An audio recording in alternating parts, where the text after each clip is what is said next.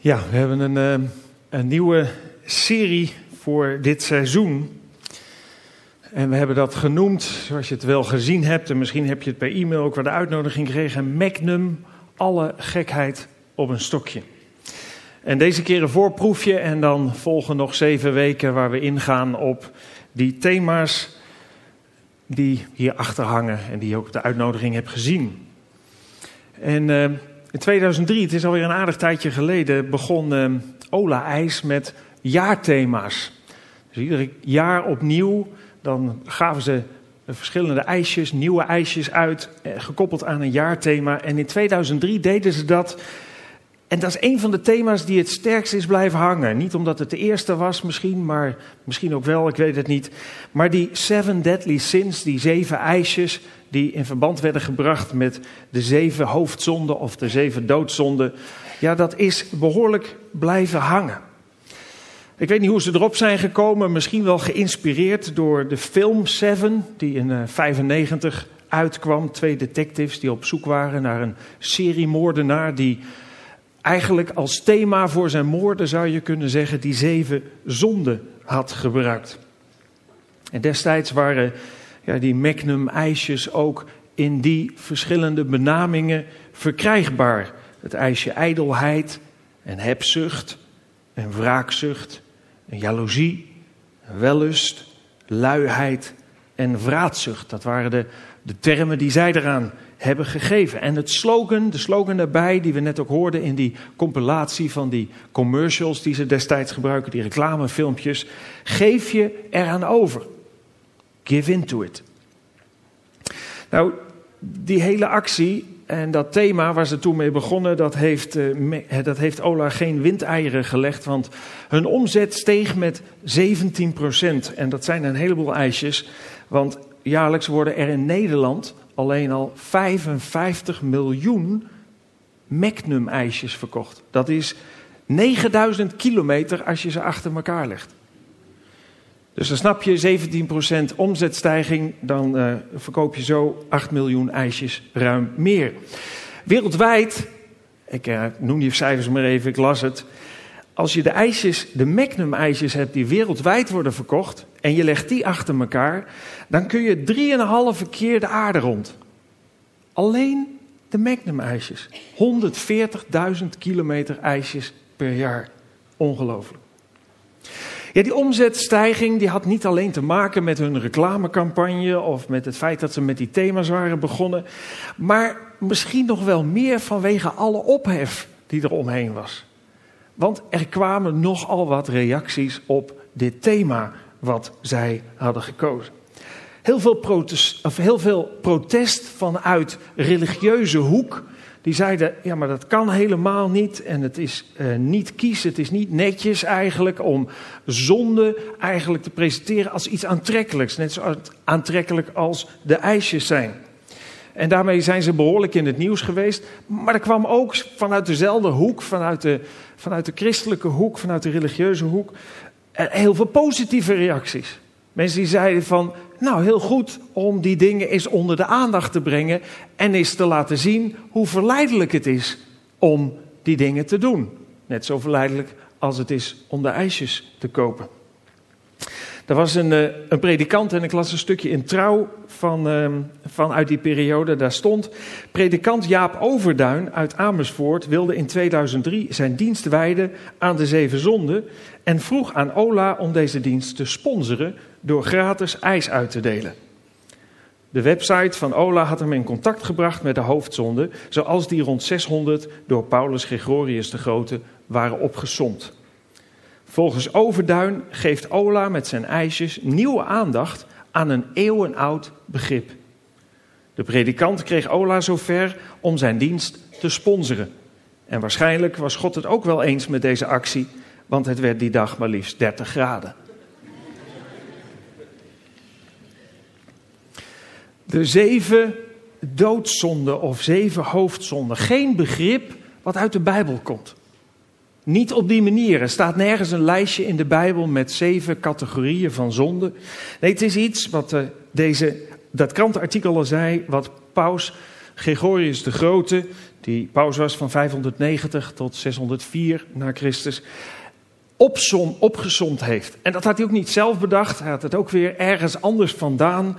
Want ja, de eerste bron van deze opsomming komt eigenlijk van de vierde eeuw, tweede helft vierde eeuw, waar een Griekse theoloog, filosoof, Evagrius van Pontus, eh, kwam met een lijst van acht hoofdzonden.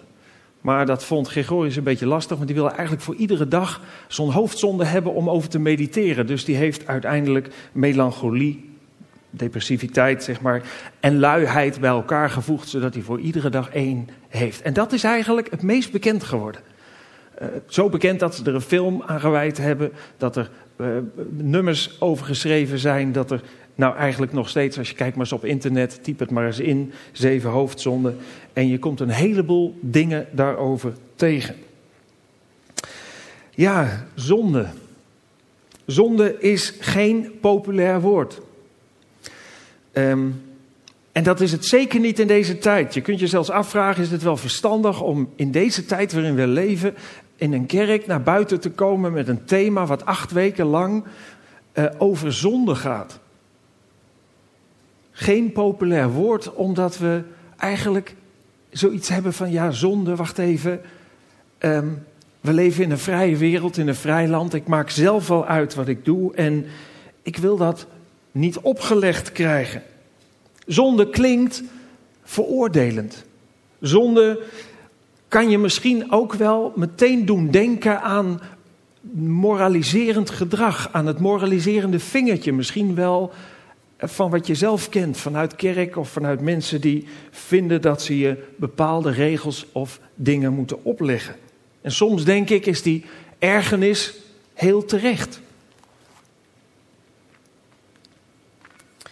Wat betekent het woord zonde eigenlijk? Als je het in het woordenboek opzoekt, dan lees je overtreding van de goddelijke of zedelijke voorschriften. En daar ligt eigenlijk de nadruk heel sterk op voorschriften of regels of wetten en de overtreding ervan. En dat bij elkaar is dan de zonde. En misschien in het verlengde kun je denken aan, aan schuld en kun je denken aan woorden als straf en dergelijke. En die gedachte, ja, die hebben we bij het woord zonde ook heel sterk gefocust op die overtredingen van regeltjes. En misschien ook wel heel sterk de gedachte van, nou, als we het nou hebben over God, of over de kerk, of over christenen, dan hebben we het vaak hierover. Dan gaat het over dit mag wel en dat mag niet. En dat moet je precies wel doen en noem allemaal maar op. En dat is eigenlijk jammer, die gedachte. Misschien ook wel logisch, dat zei ik ook. Misschien heeft de kerk het er wel zelf naar gemaakt. Maar zonde heeft in eerste instantie niets met een wet of een voorschrift te maken. Maar zonde heeft in eerste instantie te maken met het karakter, de aard van God. God is liefde.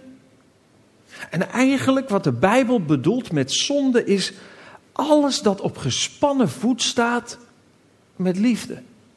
Alles wat buiten de kaders van Gods karakter omgaat, buiten de liefde valt, is eigenlijk hetgene wat de Bijbel definieert als zonde. God heeft ons gemaakt met een doel. God heeft ons gemaakt om lief te hebben. En liefde is in eerste instantie, zoals God het bedoeld heeft, niet wat het geworden is, maar zoals God het bedoeld heeft, heeft te maken met gericht zijn op het geluk van de ander. Misschien weet je nog te herinneren dat we vlak voor de zomerstop, een paar weken, één serie daarvoor geloof ik, het hebben gehad over de vijf talen van de liefde. Dat ging over de relaties, liefderelatie tussen man, vrouw, ouders, kind, vrienden. En dat daar ook iedere keer naar voren kwam dat Gods liefde erop gericht is om de anderen te geven. Hoe maak ik mijn partner, mijn kinderen, vrienden gelukkig? Want dan pas kan ik echt gelukkig worden. Wie gericht is op het geluk van zichzelf en dat eigenlijk ten koste van alles en iedereen naar zich toe wil trekken, die zal nooit echt gelukkig worden. Dat is eigenlijk de boodschap die centraal staat in de Bijbel. De boodschap van wie God is. Liefde om uit te delen. In de tijd dat Jezus op aarde liep, toen waren er zogenaamde wetgeleerden, religieuze leiders, die de ene naar de andere wet verzonnen, er beide bedachten. Honderden wetten waren er waaraan het Joodse volk zich moest houden.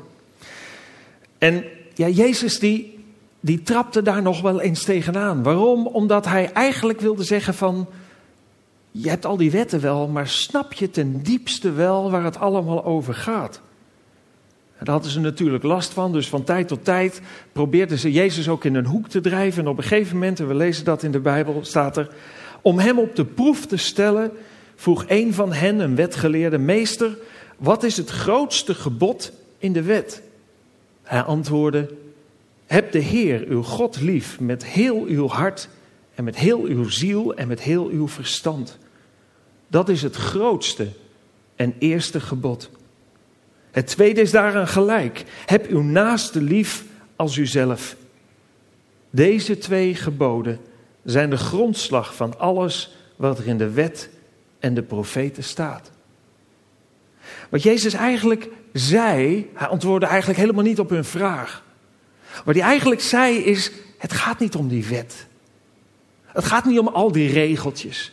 Als je je focust op die regels, ja, dan word je gefrustreerd.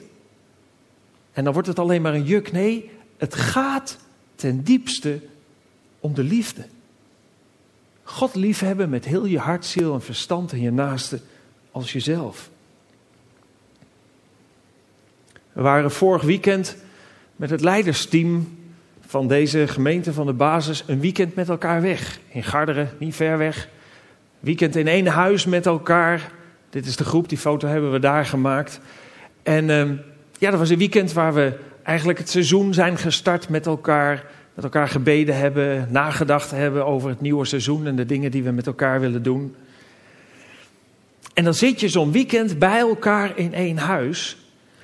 En ja, dan, dan denk je misschien van tevoren, ja, dan moet je een hoop afspreken of afspraken maken of dingen regelen of wat dan ook. En eigenlijk, moet ik zeggen, is er bijzonder weinig geregeld. Niet dat het een ongeorganiseerd weekend was verder van het was een chaos of zo, maar er was eigenlijk maar één wet die we ervoeren samen en dat was die wet van liefde. Er was geen corvée-rooster, er was niet bepaald wie er moest koken, wie er zou schoonmaken, waar we gingen zitten, hoe laat we naar bed gingen, hoeveel eten je of drinken je of alcohol je mocht gebruiken. Eigenlijk ervoeren we samen dat we gericht waren op het geven van liefde aan elkaar. En we zijn allemaal onvolmaakte mensen en we maken er allemaal fouten in.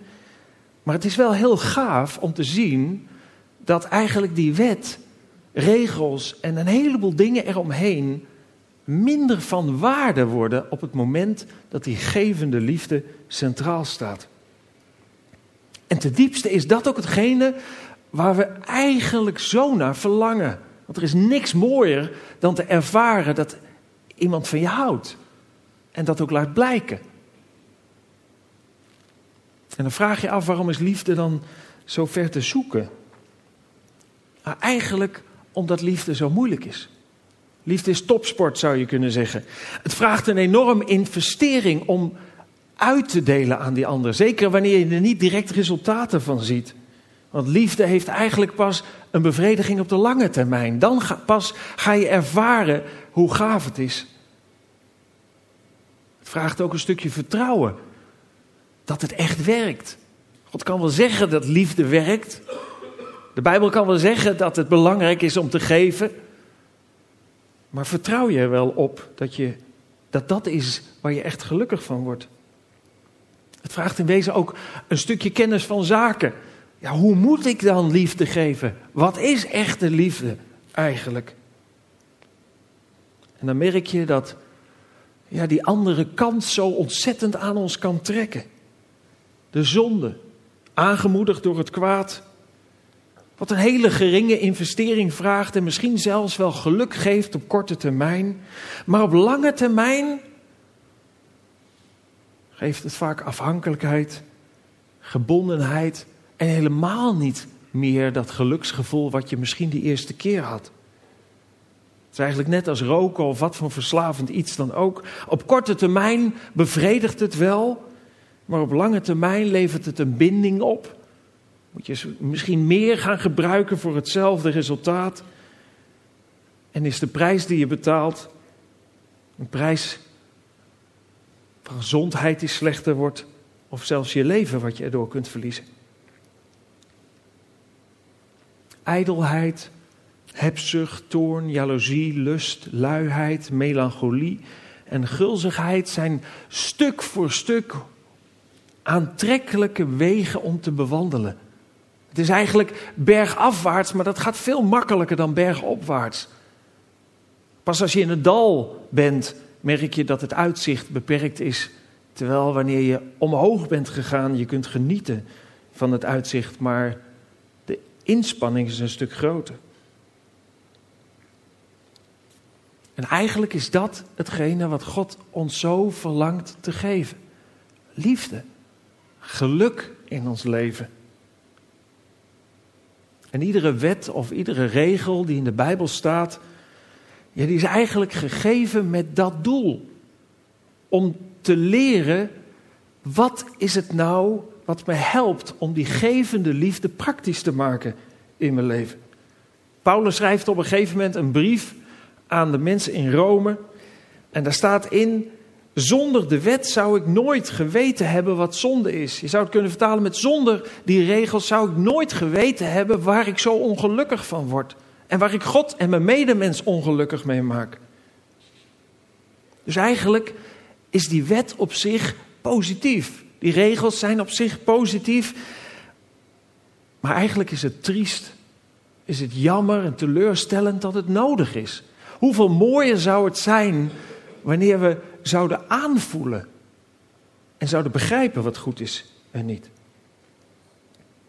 Daarbij is het zo dat de wet, de regels, de voorschriften die God in de Bijbel geeft, die hebben ook een schaduwzijde.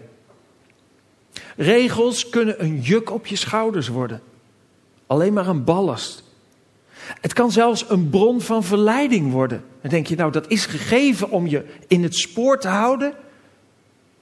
Maar het kan een bron van verleiding worden. Net zoals een kind die je zegt dat hij niet aan de snoeppot mag komen. Of iemand die je zegt, die deur daar, daarachter, daar mag je niet achter kijken.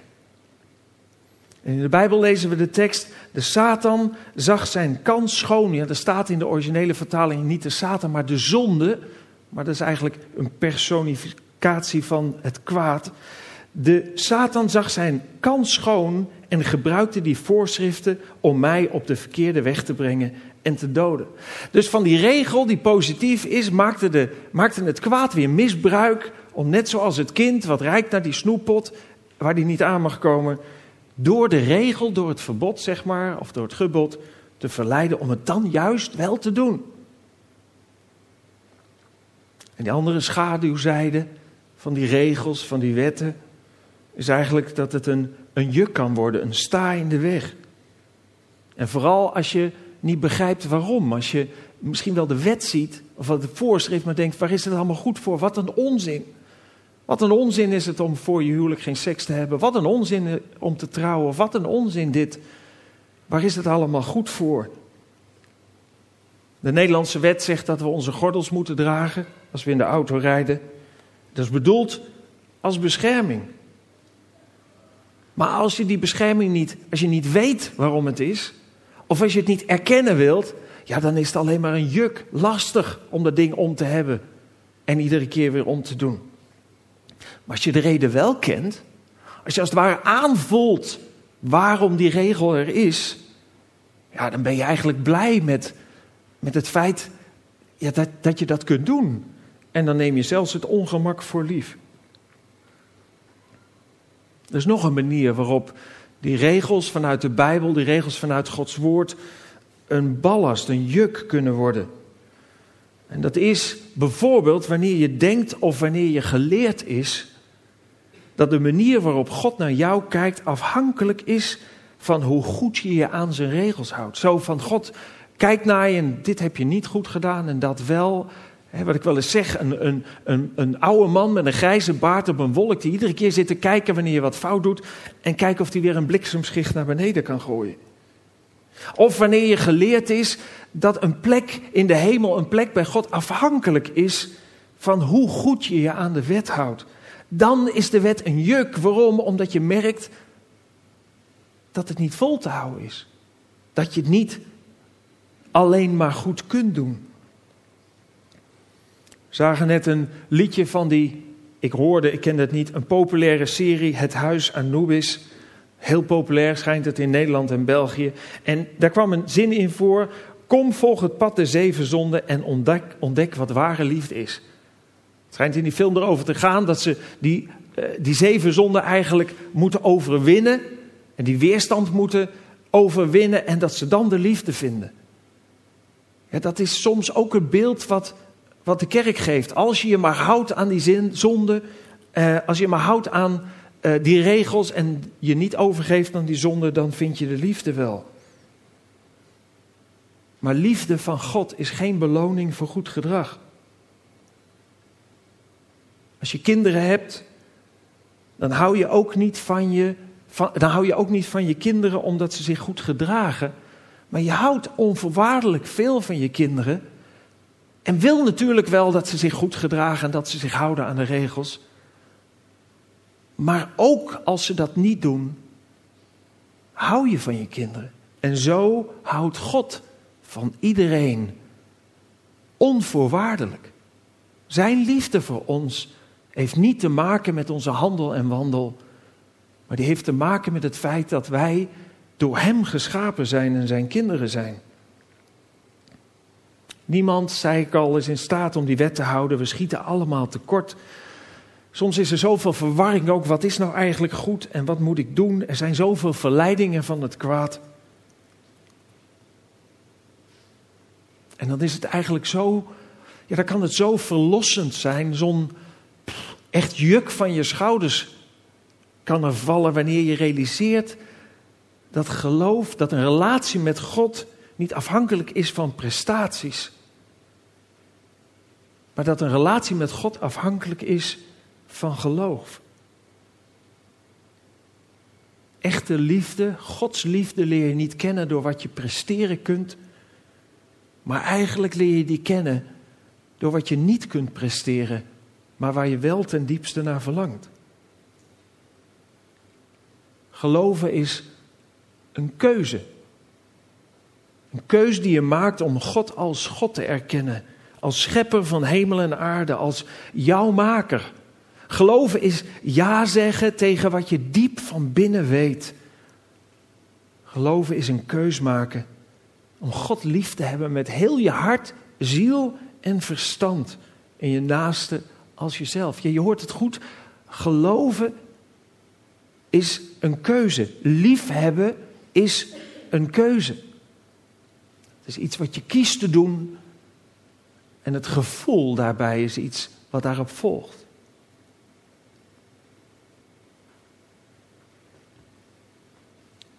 Geloof is wat je rechtvaardig maakt voor God. We lezen in de Bijbel de tekst, want wat zegt de schrift, wat zegt de Bijbel? Dit. Abraham geloofde God en God verklaarde hem daarom rechtvaardig. Niet omdat hij alles goed deed, niet omdat hij zich nooit liet verleiden door wat voor zonde dan ook, maar doordat hij geloofde dat God hem gemaakt had en zijn vader is en van hem houdt.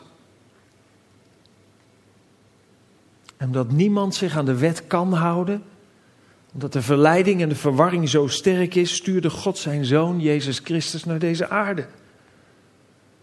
Die stierf om alles wat er fout ging, alles wat er fout is gegaan, eigenlijk de schuld daarvan op zich te nemen.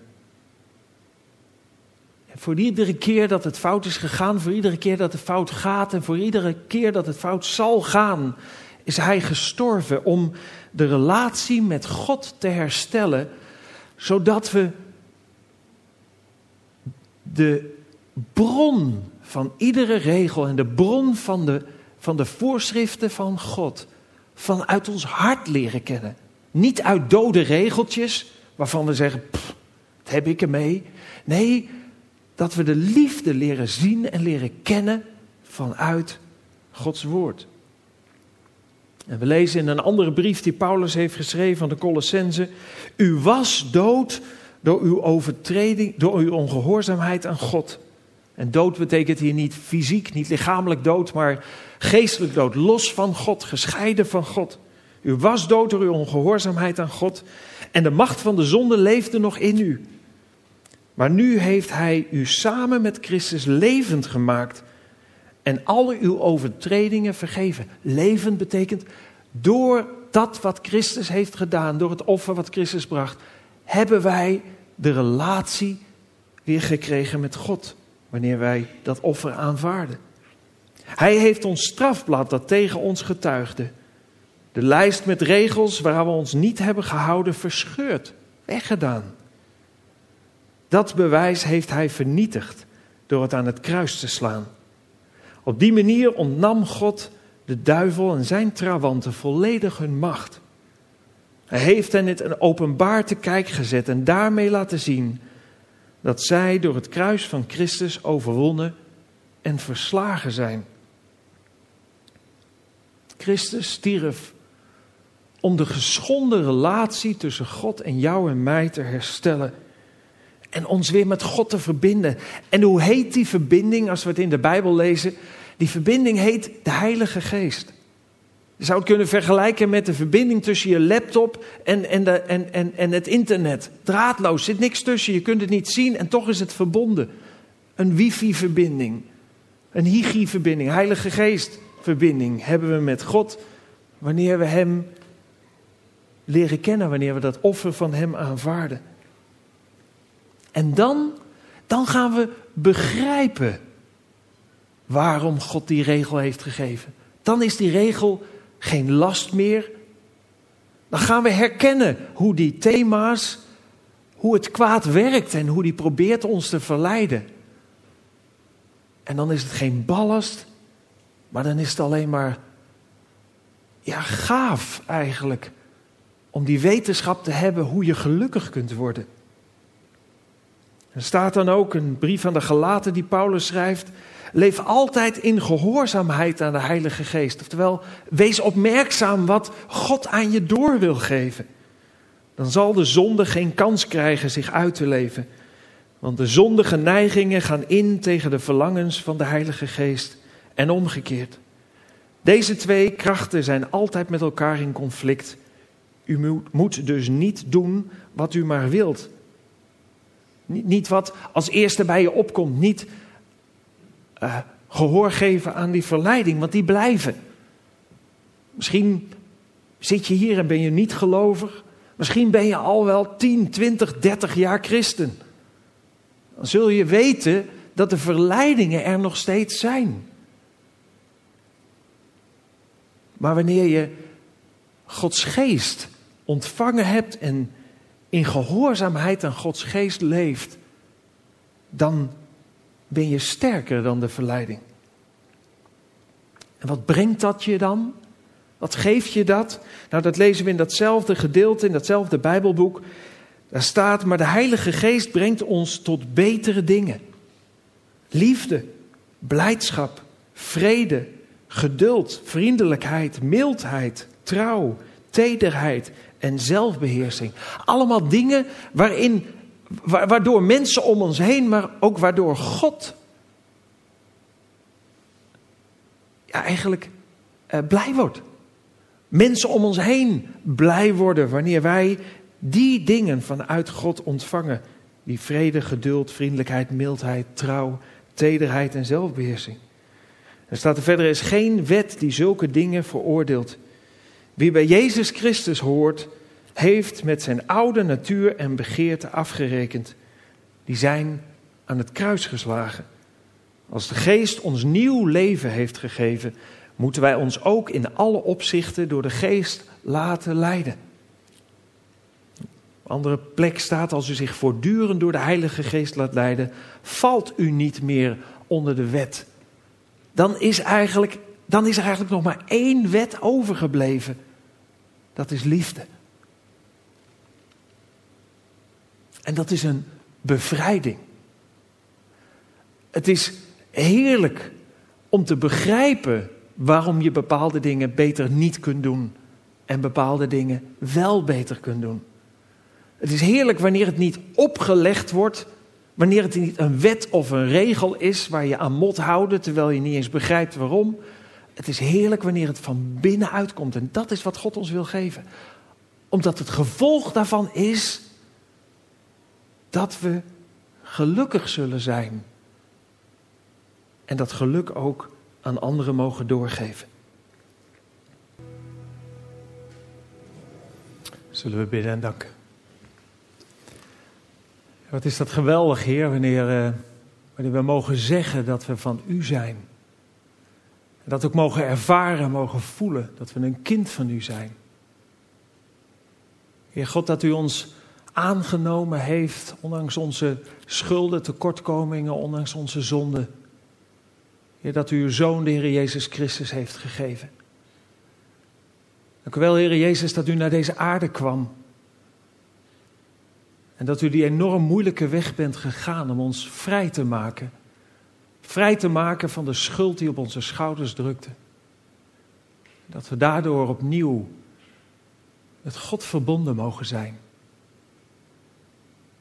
God, ik wil u zo bidden voor, ja, voor ons allemaal zoals we hier zitten. U kent ons hoofd voor hoofd.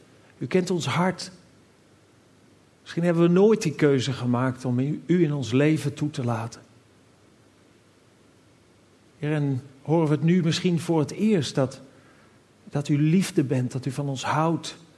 Dat u er zo naar verlangt om een relatie met ons te hebben, om, om die liefde aan ons te geven om de weg te wijzen om gelukkig te worden. En dat betekent niet dat je een leven hebt alleen maar van roze geur en maneschijn. Ook dan is pijn en verdriet onderdeel, maar ook troost en hulp en hoop voor dat wat over de grens van de dood heen gaat. Ik wil u zo danken dat, dat u van ons houdt, ondanks onze tekortkomingen. En dat u onze, uw hand naar ons uitstrekt en het verlangen hebt om met ons te zijn. God, en ik wil u zo bidden, Heer, dat we ook in de weken die voor ons liggen, dat we zullen ontdekken dat dat wat u in uw woord in de Bijbel schrijft, die regels, dat dat veilige kaders zijn die u ons wilt geven omdat u zo graag wilt dat we gelukkig zijn. Dat we leren ontdekken, Heer, hoe het kwaad probeert ons van die weg af te houden. Met ja, wat voor ja, manieren die zo voor de hand liggend zijn soms en zo aantrekkelijk zijn.